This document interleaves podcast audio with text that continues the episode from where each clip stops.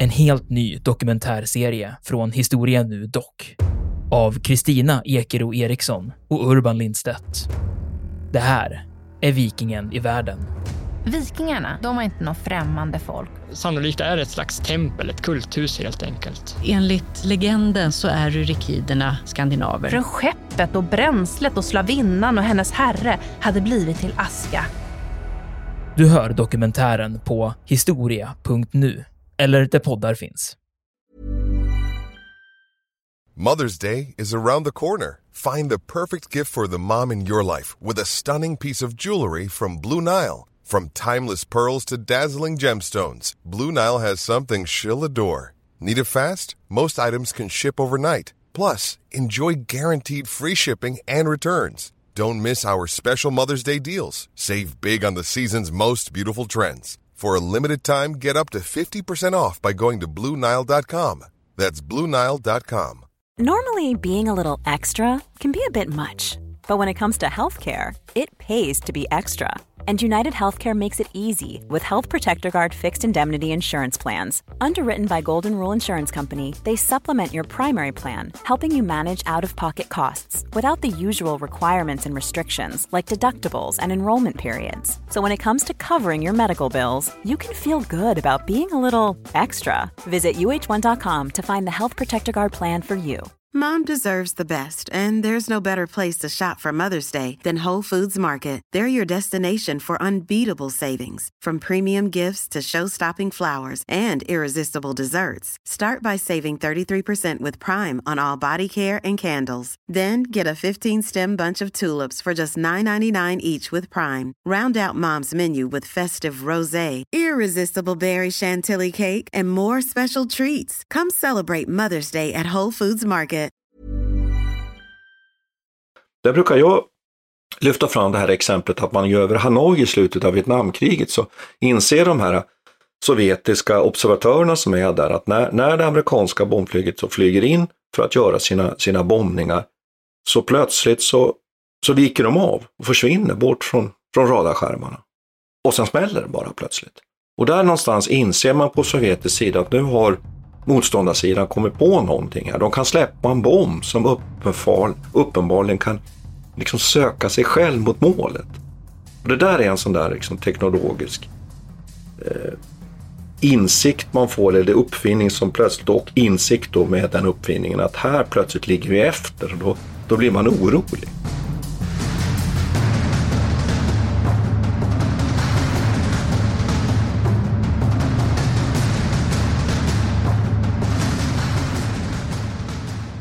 Militärhistoriepodden är podden om krig med människorna och samhället i centrum. Programledare är Martin Hårdstedt, professor i historia vid Umeå universitet och Peter Bennesved, doktorand i idéhistoria vid Umeå universitet. Podden ges ut av förlaget Historiska Media. Välkomna till Militärhistoriepodden. Jag heter Martin Hårdstedt. Ja, mitt namn är Peter Bennesved. Och idag ska vi prata om teknik och krig. Hur teknik kan tänkas påverka krigföring. Vad teknik i ett krigssammanhang skulle kunna tänkas vara. Och vi har ju varit inne på det här en hel del eh, i olika avsnitt, det vi har diskuterat. Men vad skulle du säga Peter? Vad, vad, vad är teknik i relation till krig?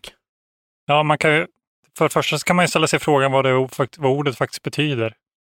Vad betyder egentligen teknologi eller en teknik? Och det är lite olika saker. Då. Eh, det är inte bara, det kanske vanligaste termen, eller vanligaste sättet att tänka på det är att det är ett materiellt ting. Alltså så är det som en, någonting som gör ljud när man slår på det. Ett verktyg eller någonting sånt där. Och att, eh, och det, men det är ju lite, kan, kan vara lite kontroversiellt att säga att ett materiellt ting i sig, bara ett verktyg enbart, är någonting som revolutionerar en krig, krigföringen till exempel. Eh, för eh, teknologier är alltid kontextbundna.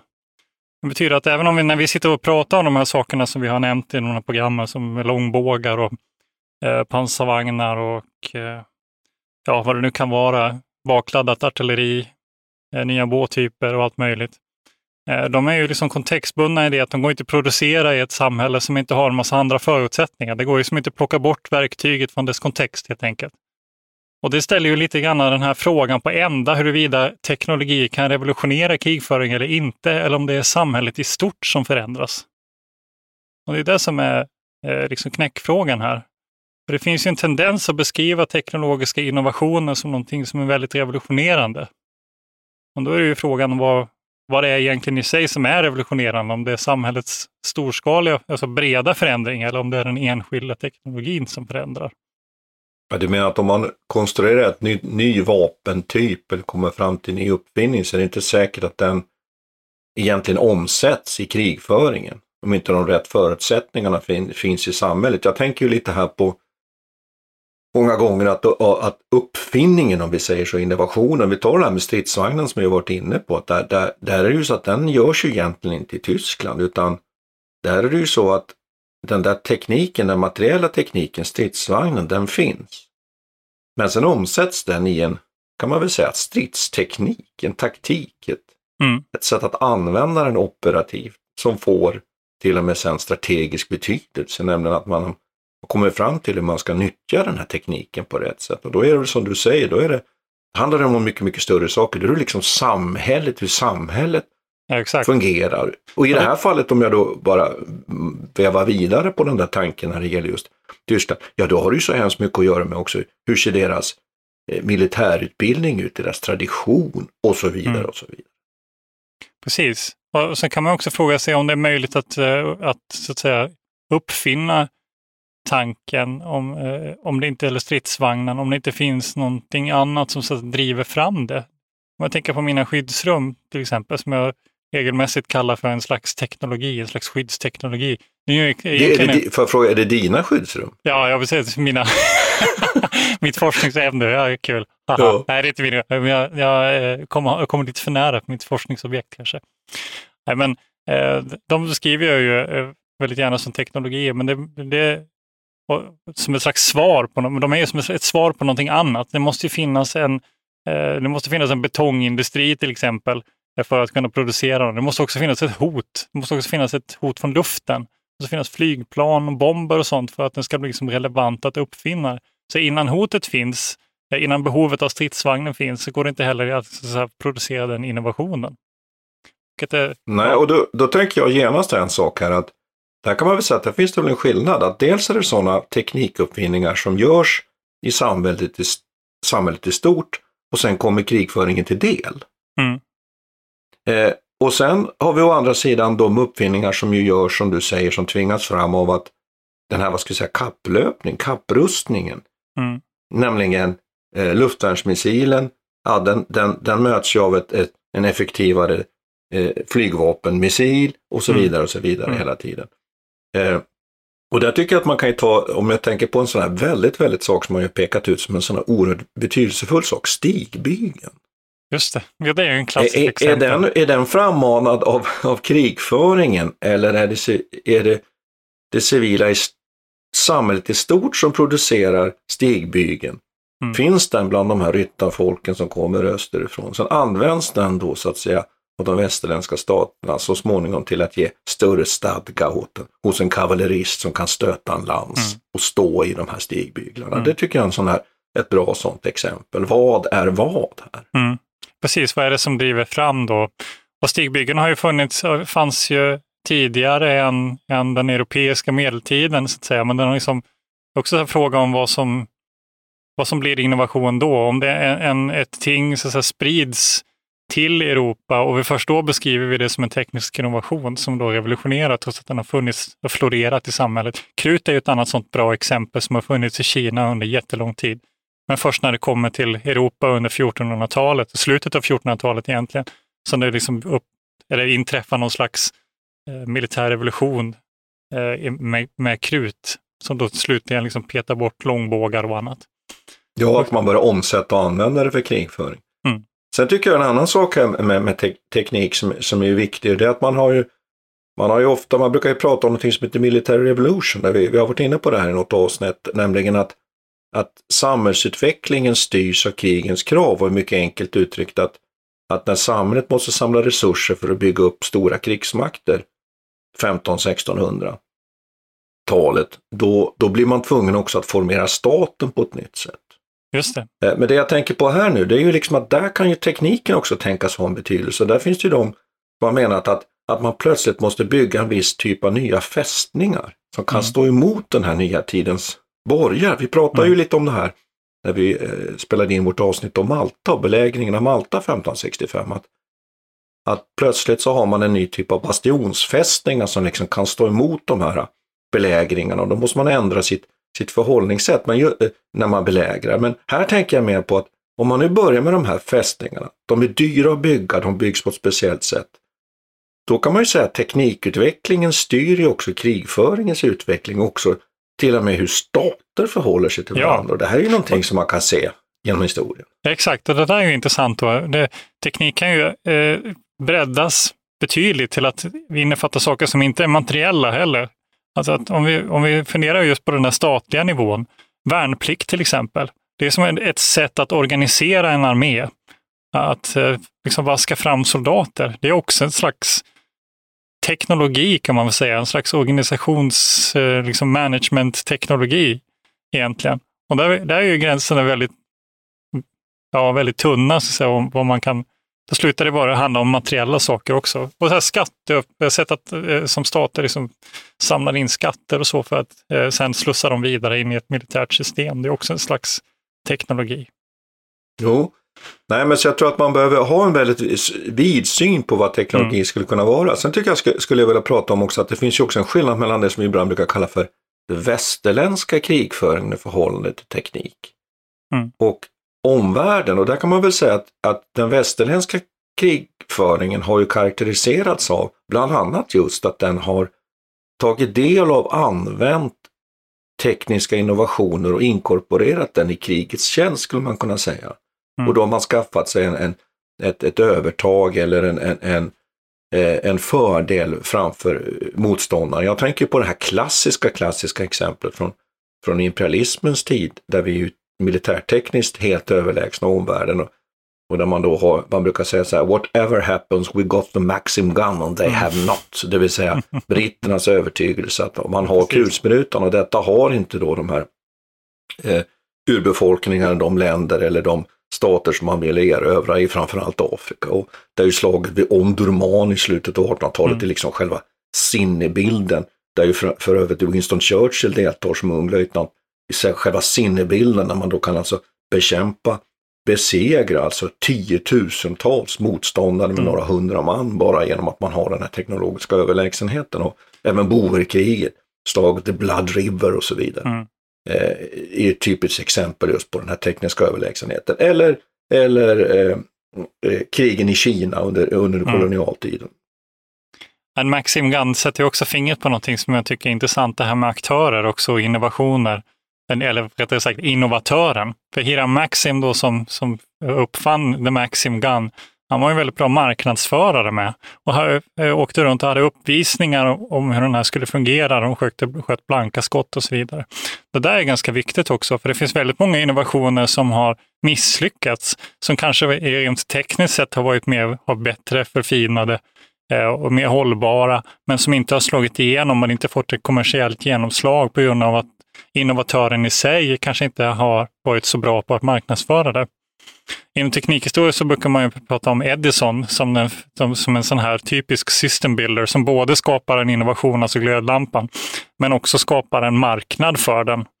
Eh, han levererar liksom hela system, både elnät och, och koppartrådar och eh, själva glödlampan och blir därmed liksom miljonär på kuppen.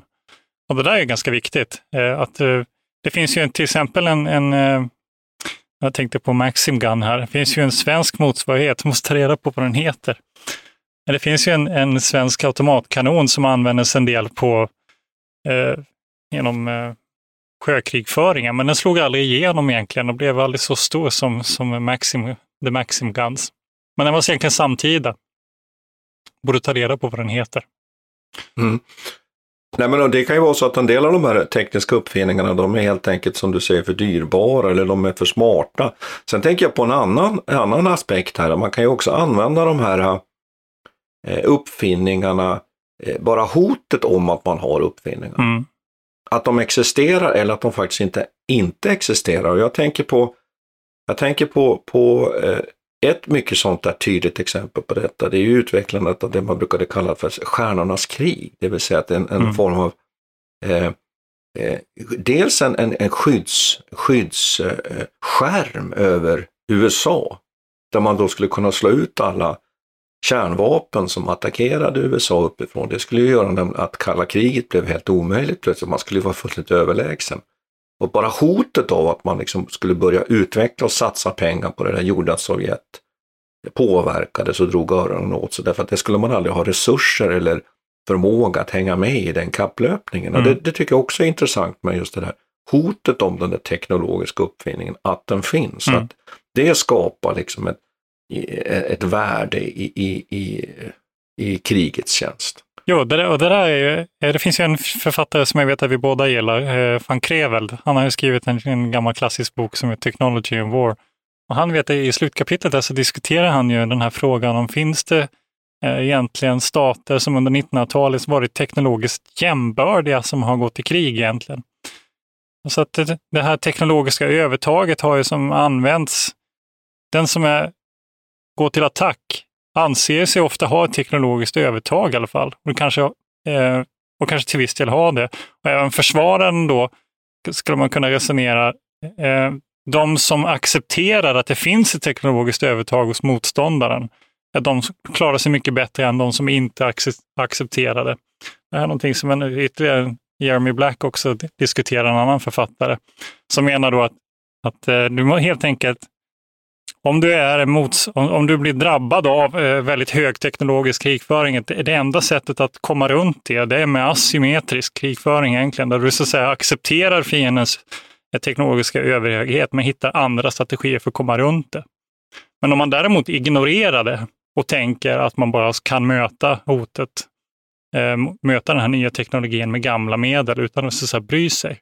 I de fallen har man helt och hållet blivit utslagna och bara förlorat på en gång.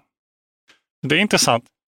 Ja, men, jag, och jag håller med om att det är sådär, men jag, tror, jag skulle också samtidigt vilja motsäga det där lite därför att Mm. Det är, eller egentligen inte motsäga så att säga den där tesen i sig att den skulle ha ä, som äga riktigt, utan jag skulle också vilja säga att det är väldigt svårt att sålla ut också om, om det verkligen är den där tekniska överlägsenheten som gör att man går i krig eller, inte går i krig. Därför att om vi tar till exempel andra världskrigets utbrott så, så, så vet vi ju båda två och lyssnarna har ju hört oss diskutera eh, det faktum att att det finns ju andra faktorer som styr det där som är politiska som inte har att göra. Det är ju inte så att Tyskland nödvändigtvis vare sig uppfattade sig som eller uppfattades av andra som teknologiskt överlägset inför andra världskriget. Det skulle jag vilja säga att det, det tror jag inte på. Jag tror ju att den franska armén uppfattade till exempel, om vi nu tar stridsvagnarna som exempel, att man använde stridsvagnarna på rätt sätt. Mm. Och tyskarna tyckte att man använde, också använde stridsvagnarna på rätt sätt. Så Mm. att där Mm. finns ju andra, så det är väldigt viktigt att man liksom håller isär här. att Det är inte så, det finns, det finns inte liksom någon, någon automatik i det här Nej. med överlägsen teknik, då är man överlägsen i nästa krig.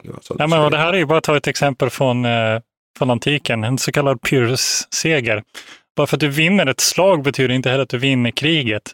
Ja, och det är ju en skillnad mellan att vilja vinna eh, ett slag och upprätthålla en ockupation till exempel. Det ser man ju i många länder under andra världskriget, att det är, tyskarna kanske har lätt för att ta över, men eh, hamnar sedan i problem när de ska fortsätta ockupationen.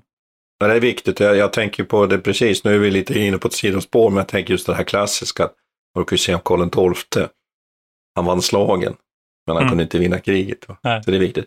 Men sen tänkte jag direkt på en annan sak här, att just Mm. att man har teknologisk överlägsenhet innebär ju, och det är ju också en, egentligen en, en konsekvens, du var inne på det här med asymmetrisk krigföring, vi kanske ska förklara liksom vad, det, vad, det, vad det är för någonting, det är ju att man använder sig av alltså andra metoder som ligger utanför den här klassiska, skulle man kunna säga, militära eh, tvångs och våldssfären, eller hur? Västliga sättet att se på det också, får man väl Ja, så skulle man kunna säga och, och, och det är klart att en del av det där med asymmetrisk krigföring skulle till exempel kunna vara vissa typer av, av gerillakrigföring eller att man slår mot civila, man, man genomför olika bombdåd eller något sånt här saker. Men, men eh, jag tänker till exempel på Vietnamkriget där ju USA är så teknologiskt överlägset naturligtvis, men, men förlorar av andra orsaker som ju dels har att göra med att man har fel kanske stridsteknik, så att säga, fel taktik eller operativt tänkande. Det Mm. fungerar inte mot en motståndare som agerar på ett annat sätt. Men så fort den här motståndaren då efter 1968 och Tet-offensiven försöker bjuda upp till dans med konventionell krigföring och där Nordvietnam Vietnam kommer med, med med reguljära krigsförband, ja då, då lyckas man bättre plötsligt därför det passar amerikanarna. Men man ja, har mycket svårare att hantera den här gerillakrigföringen mm. nere i Sydvietnam av Vietkong. Mm. Men då vet vi att sen kan man ju inte vinna den här krigföringen, även om man så att säga bombar och använder all sin teknologi. Ja, därför då kommer det in politiska aspekter naturligtvis med massmedia och sådana saker. Så mm. det, det, är, det är väldigt spännande och, och att, att, den här, att man får inte man får inte glömma bort att teknologisk överlägsenhet behöver inte betyda att man är framgångsrik i ett krig. Mm. Even on a budget, quality is non-negotiable. That's why Quince is the place to score high-end essentials at 50 to 80% less than similar brands. Get your hands on buttery soft cashmere sweaters from just 60 bucks, Italian leather jackets, and so much more. And the best part about Quince, they exclusively partner with factories committed to safe, ethical and responsible manufacturing. Elevate your style without the elevated price tag with Quince. Go to quince.com/upgrade for free shipping and 365-day returns. Quality sleep is essential. That's why the Sleep Number Smart Bed is designed for your ever-evolving sleep needs. Need a bed that's firmer or softer on either side? Helps you sleep at a comfortable temperature? Sleep Number smart beds let you individualize your comfort so you sleep better together. JD Power ranks Sleep Number number 1 in customer satisfaction with mattresses purchased in-store. And now save 40% on the Sleep Number limited edition smart bed for a limited time. For JD Power 2023 award information, visit jdpower.com/awards. Only at Sleep Number stores or sleepnumber.com. Mom deserves the best, and there's no better place to shop for Mother's Day than Whole Foods Market. They're your destination for unbeatable savings, from premium gifts to show-stopping flowers and irresistible desserts. Start by saving 33% with Prime on all body care and candles. Then get a 15-stem bunch of tulips for just $9.99 each with Prime. Round out Mom's menu with festive rosé, irresistible berry chantilly cake, and more special treats. Come celebrate Mother's Day at Whole Foods Market. Vi kan väl glida in lite på det här med luftdimensionen också tycker jag, när de pratar om Vietnamkriget. För där är ju ett ja. exempel på när, när, där man slutligen accepterar att luftens överhö, eller sen, dominansen i luften inte nödvändigtvis leder till, till vinster på marken. Utan i slutändan måste man ändå liksom ha soldater på marken.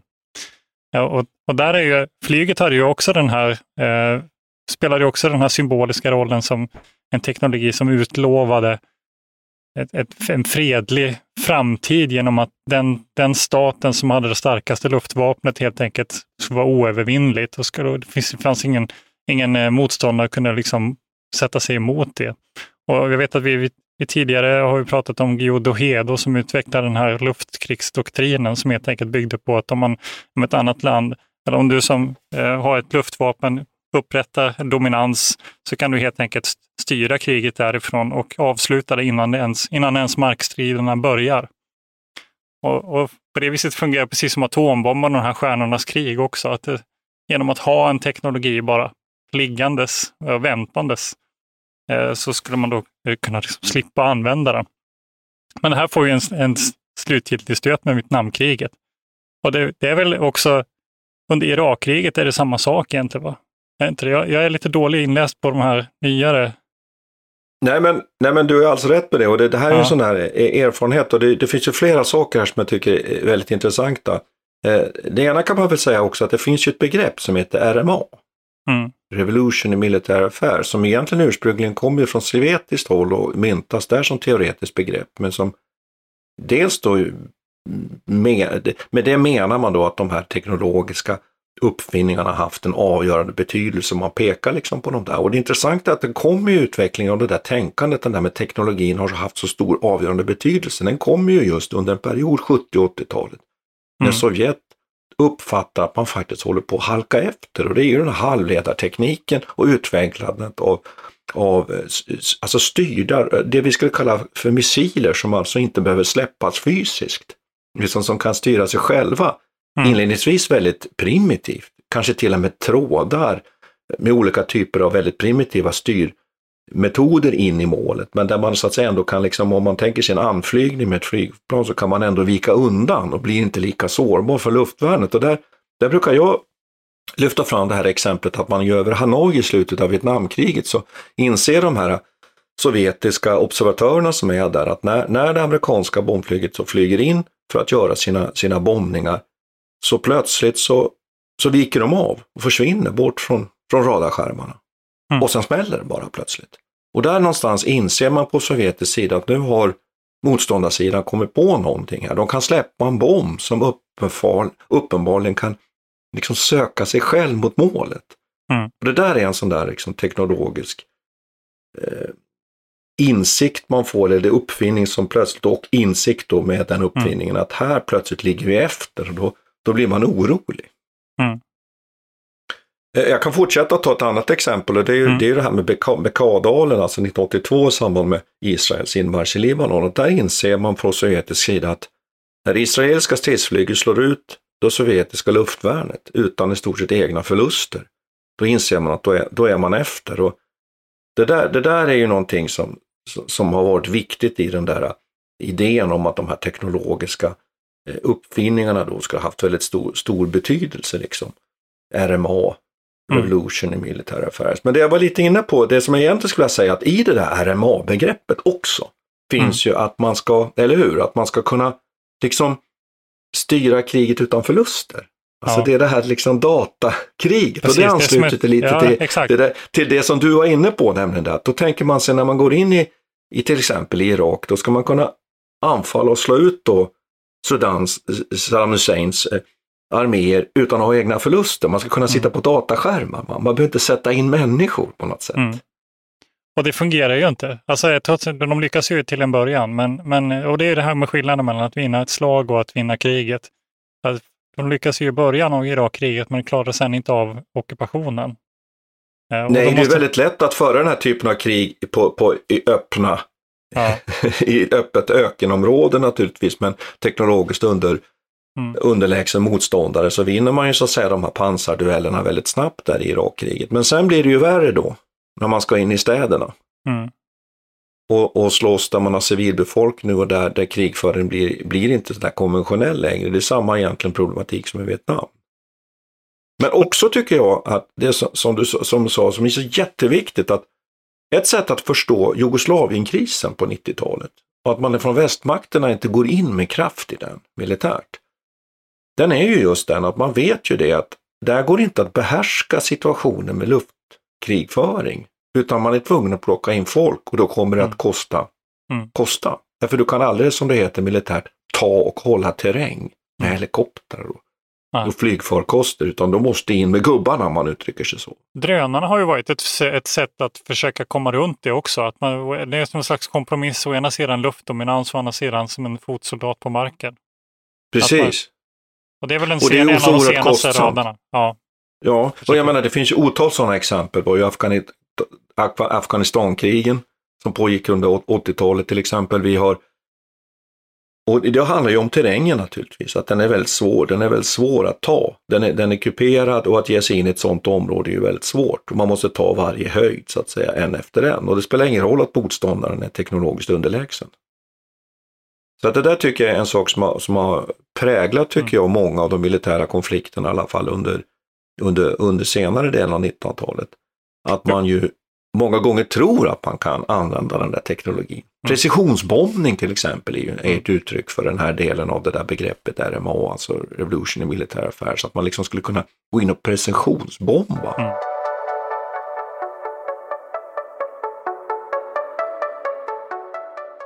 Under hela 1900-talet bidrog Sveriges geografiska läge och neutrala hållning till att landet blev en naturlig mötesplats för diplomater och politiska dissidenter från hela världen. Vårt land, och då särskilt Stockholm, blir därför också attraktivt för främmande makters spionverksamhet. Redan tidigt under förra seklet utnyttjades vår neutrala huvudstad som bas för hemliga operationer. När andra världskriget bröt ut fick Stockholm en unik position för de krigförande parternas underrättelsetjänster och blev Nordens Casablanca. Under kalla kriget flyttade verksamheten in i skuggorna där det fördes en jakt på stormakters spioner och svenska förrädare. Willem Agrell är Sveriges främsta expert på underrättelseanalys och svensk säkerhetspolitik. I sin nya bok berättar han om den rafflande historien om Stockholm som spioncentral. Läsarna får bekanta sig med såväl betydande personer och platser som hemliga organisationer verksamma i staden. Stockholms som spioncentral är utgiven av förlaget Historiska Media. Ljudboken finns tillgänglig hos streamingtjänster som Storytel, Bookbit och Nextory. Beställ den fysiska boken på förlagets hemsida historiskamedia.se eller i en bokhandel nära dig.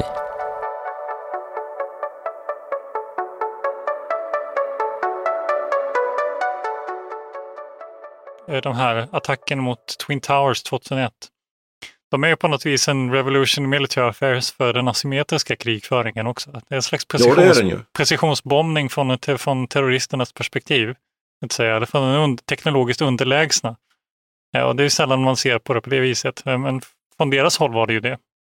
Men då kan man ju säga att det är samma sak där egentligen. Kan man vinna ett krig genom att göra den typen av dåd? Mm. Ja, då är det hotet om att man använder sig av den där tekniken. Just det, men då kan man också ställa sig frågan vad innebär det då att vinna ett krig här? För att i den västerländska meningen, så, så, för USAs del till exempel, så innebär ju det att man på något vis, ja eller vad innebär det egentligen? Att man, man tar över motståndarens eh, liksom, statsstat eller man, man på något vis nedkämpar liksom, fiendens hela nation eh, och försöker då upprätta någon slags demokratisk ordning. Eller det är det de har försökt ett antal gånger i alla fall. Men från, från eh, Osama bin Ladins håll så var ju inte det liksom det yttersta målet ens. Alltså för att det ska bli en jämbördig, jämbördigt krig så måste ju båda parter ha ungefär samma mål också. Hänger med på vad Jo, jag menar? för att man ska kunna mäta samma mått på om man har vunnit kriget. Ja, exakt. Man måste ha samma måttstock. Men det går ju inte i de här fallen. För att det spelar ingen roll för Usama bin Ladins eh, gäng vid det här läget.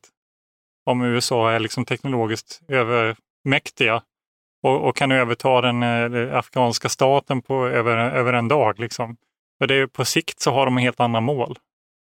Och det sätter Mm. ju också de här frågan om vad teknologin egentligen bidrar med på lång sikt. Och vi, så, vi fastnar ju så lätt i de här diskussionerna om att de är så avgörande. Men eh, om man tar krutet som exempel, vi hittar tillbaka liksom 500 år bak i Mm. tiden, Mm. eh, så är det ju det är lättare nu att se krutets inverkan på krigföringen som en väldigt lång process.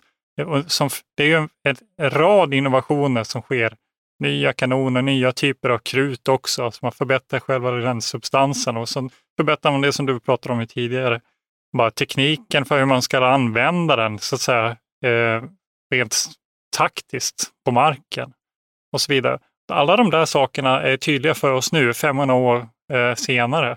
Men det som vi upplever idag med Irakkrigen och hur de har varit och även Syrien och allt det här som pågår, drönare, precision bombing och informationskrig, cyberkrigföring och allt. Det är lite svårt att liksom, vad är det som egentligen är den grundläggande revolutionen där?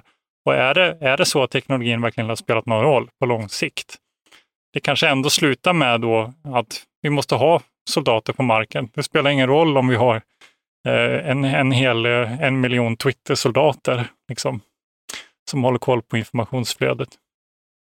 Nej, men jag, jag tror att, att och tittar man lite på det, det, jag tycker att det som vi skulle kunna diskutera lite, det är om, om de där teknologin verkligen, som du säger, har haft de där, verkligen haft någon betydelse. Mm. Jag ifrågasätter ju det och också att vi har ju exemplet här på, på fransk-tyska kriget som vi hade diskuterat. Ju. Mm. Där är det ju så att där har motståndaren ett överlägset infanterigevär. Det ger inte fransmännen segern. Nej. Eh, det, det man brukar ofta lyfta fram som, som en sån där, vad ska vi kalla det för, typexempel på teknologiska uppfinningar i, i, samtidigt som krig, det är ju Krimkriget faktiskt. Mm.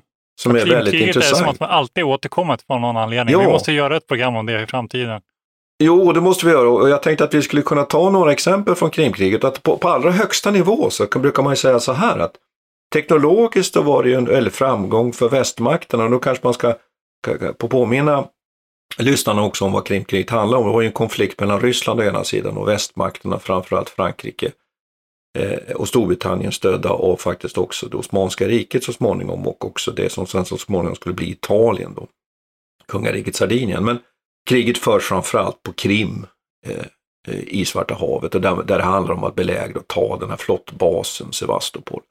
Och där, för det första då, så visar det sig att de här västmakterna har lättare att underhålla sina arméer på Krim med hjälp av de här ångfartygen. Än vad Ryssland har Ja. via landtransporter. Och det är ju också, tycker jag, är jätteintressant för då handlar det ju inte liksom bara om det som sätts det handlar ju inte om vapensystem som Nej. sätts in på slagfält utan det handlar ju faktiskt om underhållsfrågorna. Mm. Och där kan vi börja egentligen eh, och diskutera Krimkriget som ett väldigt intressant exempel. Mm. Och Sen är det det här det- andra. Ja. Ja. och sen kan man bara, bara få så här, eh, och att britterna har ju en, en, en, en, en, en, bas, en bas, en hamn som heter Balaklava. Det kommer ju sen att utkämpas ett klassiskt slag om, om Balaklava med lätta brigadens anfall och så vidare. Men där bygger man faktiskt en järnväg upp på den här höjdplatån då. Fram då till den här belägringssystemet eh, systemet som man håller på att bygga då, skyttegravssystem som man håller på att bygga när man håller på att belägra då. Sevastopol. Och där har vi också, fast nu är vi nere på en lite lägre nivå plötsligt, då har vi underhållet och tekniken, järnväg. Mm. En av de tidigaste exemplen på hur man använder det på ett effektivt sätt. Sen har vi varit inne på sjukvården. Florence Nightingale är också en Mm. typ av teknik, kan man kunna Mm. säga. Eh, och sen har vi det här, med, det här med, med kanonerna också. Det tycker jag är jättespännande med Krimkriget. Just det, Krimkriget inleds ju, inleds ju egentligen med, och det är lite på hur man vad man nu kallar det här för kriget, men en del, men, en del menar, menar att man ska nog egentligen säga att det pågår från, ända från 1853, för då, då utplånar nämligen den ryska Svarta havsflottan, den osmanska Svarta havsflottan i ett slag som heter Sinope. Och där använder sig ryssarna av en ny typ av kanoner som de själva inte egentligen har uppfunnit, men som de har börjat tillverka och framförallt bestyckat sina örlogsfartyg och är först i världen med det. Och de här kanonerna då, de är, de är helt enkelt en mycket effektivare eh, spränggranatskanon som, som helt enkelt är en förfinad teknik som är mycket bättre än det som alla andra Mm. har. Och egentligen är det en fransman som egentligen har utvecklat de här kanonerna. Ja, jag tänkte säga det. det är väl inte, de, är inte, de är väl eh, kanske först med att använda dem på ett effektivt sätt, men de är inte först i världen. Men det är en fransman som, är, som gör den här och de bestyckar La, vad heter- det här skeppet? La Gloria. La Gloria. Precis, så. ett, Mm. ett franskt folk, Paxson he- heter ju de här kanonerna av mannen Paxson. Och hans, de här kanonerna tycker jag är ett jätteintressant exempel på att där är någon annan som uppfinner dem, det är ryssarna som använder dem. Och det är också så faktiskt att britterna vågar inte anfalla Kronstadt därför att de vet att ryssarna har de här Paxson-kanonerna Mm. som har en oerhört effektiv då, eh, granat. De har en flack skottbana. De lobbar så att säga inte in de här granaterna längre utan de skjuter. Och det som händer vid Sinope är att de här, de här granaterna de bara tränger rakt in i de här osmanska fartygen. En del kanske skulle säga turkiska fartyg, jag brukar ju avhålla mig Mm. från det. Eh, och, och exploderar in i de här fartygen. Så man sopar ju hela den osmanska flottan från, från vattenytan. Och där egentligen börjar ju Krimkriget, för då inser västmakterna vad 17 håller på, på att hända. Nu håller Ryssland på att köra över Osmanska riket och ta över och komma ut i Bosporen och Ja. sen ut i Medelhavet. Och då sätter den här stormaktskonflikten igång. Och det är därför man vill då ta den här eh, flottbasen i Sevastopol helt enkelt för att liksom jämna ut de här maktförhållandena i den här delen av världen. Och att man anfaller också Kronstadt inne i Finska viken. Och massor med sådana här tekniska, och dessutom också att man ju, infanteriet har olika infanterigevär där, där ryssarna är, är underlägsna. Och Mm. Krimkrigets liksom resultat blir ju att man i Ryssland inser att vad sjutton, vi ligger fullständigt efter. Vi Mm. måste inleda en industrialisering. Vi kan Och säga därför kommer ju också, och får jag bara säga det, kommer ju Ja. sen under Alexander den andre en reformverksamhet då faktiskt. Mm. Och det är jättespännande. Paxonskanonen har ju också blivit känd för en annan, eh, en annan märklig, när de tar- pratar om innovationer här, trots att det var en frans, det var inte bara så att det var eh, ryssarna som låg före på den här, utan så småningom kom även britterna att börja använda den här typen av kanoner. Och, och där sätter jag ju fingret på någonting som är ganska intressant vad det gäller att producera vapen också. Ett lands förmåga att producera eh, och ha en, ha en slags in, industriell infrastruktur kan också vara avgörande. För det var ju så att britternas eh, järnindustri var mycket bättre på att framställa den här typen av kanoner än, än fransmännen själva var, vilket till, till slut gav att britterna var, använde den här kanonen till sina skepp i större utsträckning än vad fransmännen själva kunde göra sen efter Krimkriget också. Så att de hamnade liksom, trots att det var de som var innovatören, eller Paixans var innovatören av den här kanonen, så blev de dels tvungna att hantera effekterna av den i Krimkriget, men de kunde eh, hamna på efterkälken själva med att eh, armera sin egen flotta med, med vapnet på grund av en bristande industriell infrastruktur. Det är ganska jo, intressant. Så att jag tycker att det där är ett lysande exempel på det här som vi pratar om. Och då är ju mm. frågan, är de här uppfinningarna nu en revolution i militära affärs? Det, det är frågan, är de så stora och så omfattande? Mm. Och sen, sen, sen tycker jag ju en, en, en sån här, vi, vi pratade ju om, om, om Sovjetstaten, hur man då inser på 80-talet att man har kommit efter. Så att jag tycker att teknik, teknik här tycker jag också är kopplat till, till politik väldigt mycket också. Om, om Mm. Och som du säger, samhällenas organisering, alltså politiskt, vad har man för typ av samhällen? Kan man producera mm. de här typen av vapen? Och du är ju lite inne på här att britterna, jag anar ju det lite här, att de är entreprenörer. De har lättare mm. att sätta sånt här i masstillverkning. Därför Precis. de har en helt annan industriell kapacitet. Och sen, sen har vi andra stater som till exempel Tyskland, samma sak. De har, de har förutsättningar att utveckla den här typen av, av, av vapen på ett helt annat sätt än vad kan, andra stater Vi kan knyta an till stridsvagn S här som ett, intressant exempel. Som är, ja, jag kommer när vi diskuterade det så kan man ju jag vet, vi kom väl fram till att det antagligen inte hade så, var, var särskilt bra vapen i sig. Men eh, det säger ju någonting om Sveriges industriella förmåga egentligen att kunna producera en sån här vagn. Att vara ett sånt litet land under 1900-talet som, som man ändå hade den industriella kapaciteten. Och det berodde ju egentligen på att vi hade de här Bofors eh, och Nohab i, i Trollhättan som kunde liksom producera ja, chassin och, och kanonerna för den.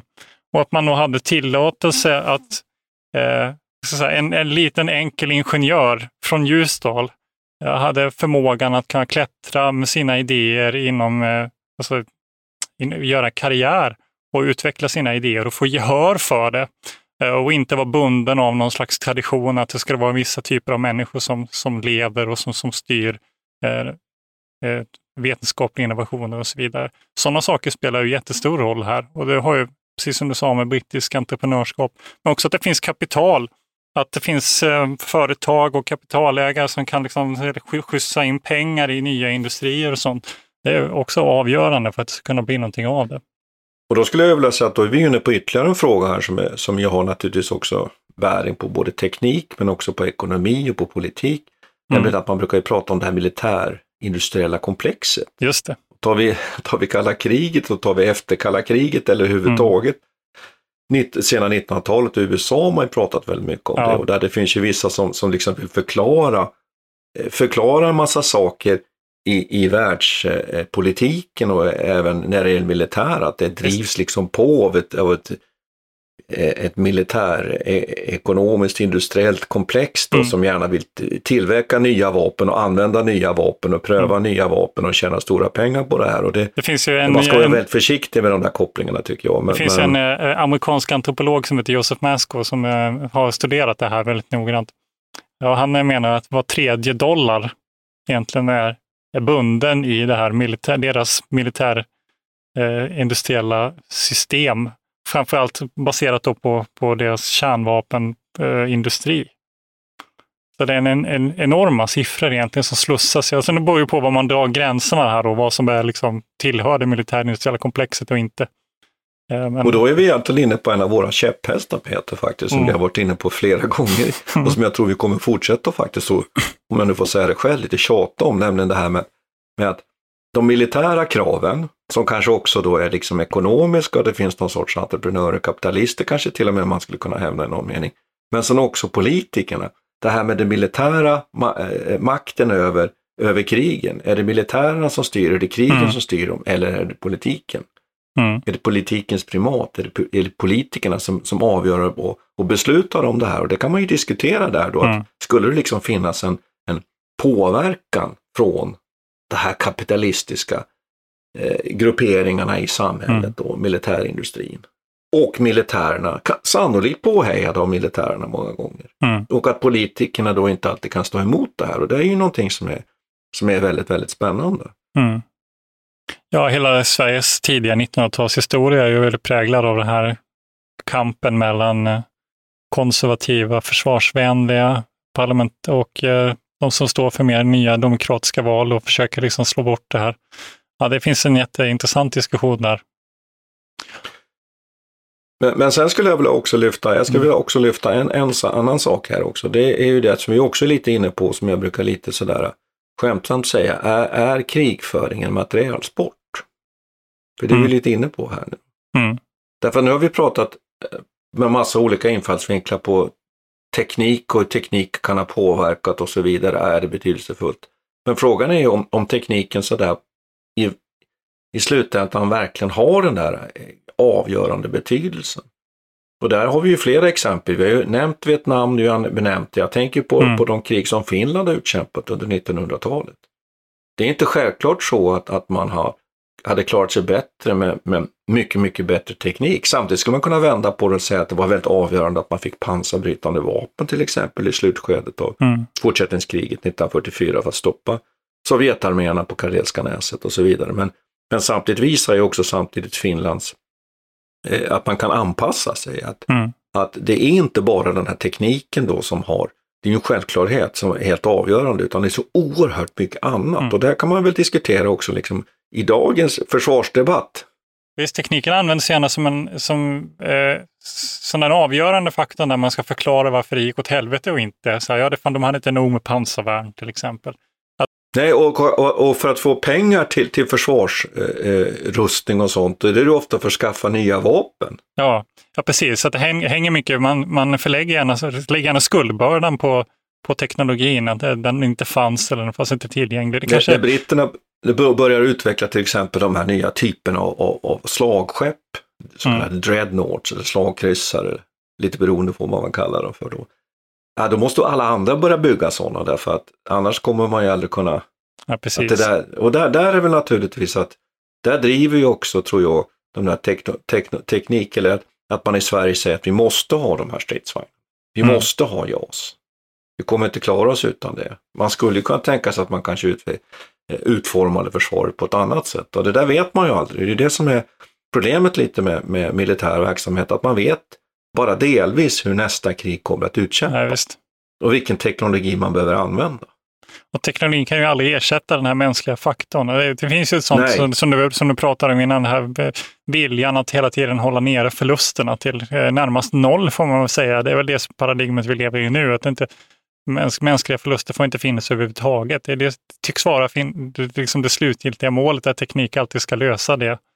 Eh, Men det går ju inte. Eh, Vi kan väl, vi kan väl eh, runda av med, Clausewitz här också. Eh, jag menar, hans eh, idéer om vad som var avgörande i kriget var ju inte, trots att han levde under en tid då det var mycket av de här innovationerna slog igenom, så var det ju inte nödvändigtvis teknologin i sig som var det som var avgörande för honom, utan det var ju stridsmoralen egentligen, om när, när fienden som vek, viker undan. Och Ja, det och krig är ju en- en, en, en, viljeyttring, Ja, exakt. säger han. Som en Mm. viljeyttring och, och den som, som inte klarar av att stå emot det är den som förlorar. Och han säger ju egentligen ingenting om vem som har det starkaste vapnet i det fallet. Nej. Men vi kanske ska avrunda här och, och, och säga tack ska vi ha. Och, och Ja, lämna jag lyssnarna det. kanske li, lite fundersamma. Ja, det tror jag. Det är bra. Okej, tack ska vi ha för den här gången. Tack ska vi ha. nästa gång. Vi tackar historikern Martin Hårdstedt och idéhistorikern Peter Bennesved, bägge verksamma vid Umeå universitet. Militärhistoriepodden ges ut av bokförlaget Historiska Media. Producent är Urban Lindstedt.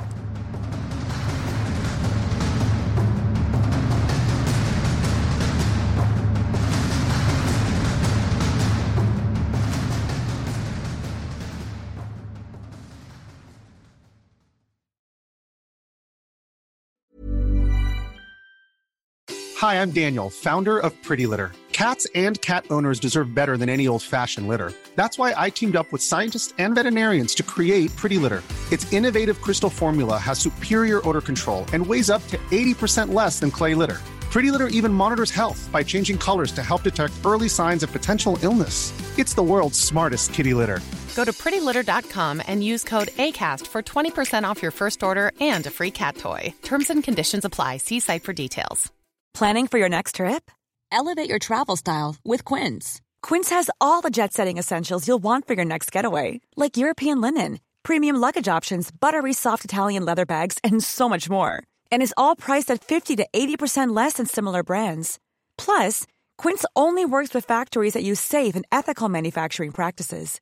Pack your bags with high-quality essentials you'll be wearing for vacations to come with Quince. Go to quince.com slash pack for free shipping and 365-day returns. A lot can happen in the next three years. Like a chatbot may be your new best friend. But what won't change? Needing health insurance. United Healthcare Tri Term Medical Plans are available for these changing times. Underwritten by Golden Rule Insurance Company, they offer budget friendly, flexible coverage for people who are in between jobs or missed open enrollment. The plans last nearly three years in some states, with access to a nationwide network of doctors and hospitals. So, for whatever tomorrow brings, United Healthcare Tri Term Medical Plans may be for you. Learn more at uh1.com. Iran har under 1900-talet genomgått tre omvälvande revolutioner som orienterat landet antingen mot västerlandets modell eller mot en auktoritär styrelseform. Idag pågår en social revolution i landet som vänder sig mot det islamistiska styret och vars anhängare har Europa och väst som förebilder. I en viktig bok ger idéhistorikern Mohammad Faslashemi en djupare förståelse för dagens dramatiska händelseutveckling. Iran mellan tre revolutioner är utgiven av förlaget Historiska Media. Beställ den fysiska boken på förlagets hemsida historiskamedia.se eller köp den i en bokhandel nära dig.